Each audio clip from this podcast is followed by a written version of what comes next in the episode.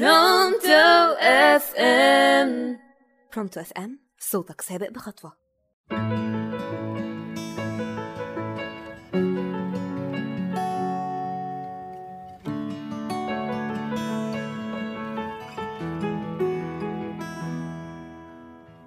مساء الخير أعزائي المستمعين معاكم رشا فاروق على إذاعة Pronto FM النهارده حلقة جديدة من برنامج كلمات مؤثرة. تعتبر الكلمات هي مفاتيح العبارات والجمل. هي الطريقة اللي من خلالها نعبر عن ما بداخلنا من مشاعر وأفكار. لكل كلمة ليها معنى واضح يبين معناها وليها كلمة معاكسة ليها. بيقول العلماء إن قوة الكلمة تعادل أو تتفوق على أي قوة أخرى توصل ليها الانسان كقوة الكهرباء أو الطاقة الذرية. ليه؟ لأنها تمس الروح والعقل والقلب. فيكون تأثيرها أكبر إذا تحفز الجسد لفعل أو لرد فعل. لكن أين موضوع الكلمة اليوم في حياتنا؟ وما مدى إحساسنا بيها وتأثيرها فينا؟ إن قوة تأثير الكلمة تنبع من قوة إحساسنا بيها ومدى تفاعلنا معها لذلك تتميز لغتنا العربية بكلماتها وعباراتها القوية التي يمكن تطبيقها وتدوينها لكل أمور حياتنا والنهاردة هنبدأ بأولى كلماتنا المؤثرة هي الفشل هل الفشل بداية ولا نهاية؟ وإيه اللي بيجعل الناجح ناجح والفاشل فاشل؟ وهل الناس الناجحة دي ليهم قدرات خاصة؟ وهل الفاشلين دوم عندهم نقص في الفعل مثلا أو في العقل أو في المخ؟ توصل علماء التنمية البشرية أن هناك خمس نقاط فاصلة بين الفشل والنجاح. هي الأفكار، التجربة، وضع الخطط، التفكير في الخطط، الجرأة والشجاعة. أول حاجة عندنا الأفكار. الإنسان الناجح أفكاره دايما بتكون ناجحة طول الوقت وبالتالي الفكرة بتجذب كل شخص ناجح وكل حاجة ناجحة حواليه.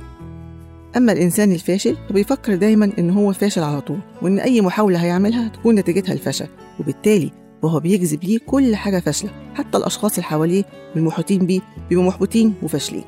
خلاصة الفكرة دي إن النجاح والفشل كامن بداخلك. فإن أردت النجاح تفكر فيه وإذا أردت الفشل ستفكر فيه وبالتالي طريقة تفكيرك تؤدي إلى النتيجة.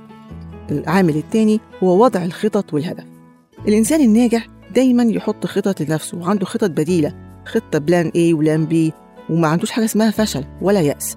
مجرد إن هو بدأ الطريق يفضل لآخره ويحاول يغير الطرق اللي بيوصل بيها للنهاية. أما الإنسان الفاشل فهو ما عندوش خطة ولا هدف. هو ماشي كده في الحياة مستني أي منحة أي هدية أي مفاجأة أي حاجة في أي حتة.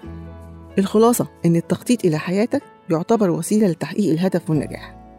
العامل الثالث الجرأة والشجاعة. الإنسان الناجح بيفكر دايما إيه اللي هيحصل في المستقبل؟ يعني لو خد التجربة دي إيه العواقب اللي ممكن تحصل؟ وبيتخيلها ويتحملها وممكن يجد حلول فيها وكل ده هي لسه ما حصلتش. وبالتالي فبيبقى عنده جرأة إن هو يدخل التجربة دي. أما الفاشل هو بيسأل نفسه ألف مرة هو في خطر؟ طب ليه أعمله؟ ليه أصلا أعمل حاجة خطر؟ ما خليني أحسن مكاني أنا كده في أمان أكتر. ما هي ده الفرق. هنا ما بيتحملش المسؤولية خالص. هنيجي للعامل الرابع وهو التجربة والخبرات. الإنسان الناجح بيقوم تجربة مرة والتانية والتالتة. لا يمل ولا يكل.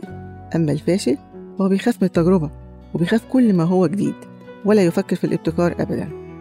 خلاصة الحلقة النهاردة إن الفشل لا يعني نهاية الطريق بل هو بداية التي تعلمك الطريق الصحيح. والفشل لا يعني أنك اخترت طريق خطأ ولا يعني أنك أنت إنسان فاشل.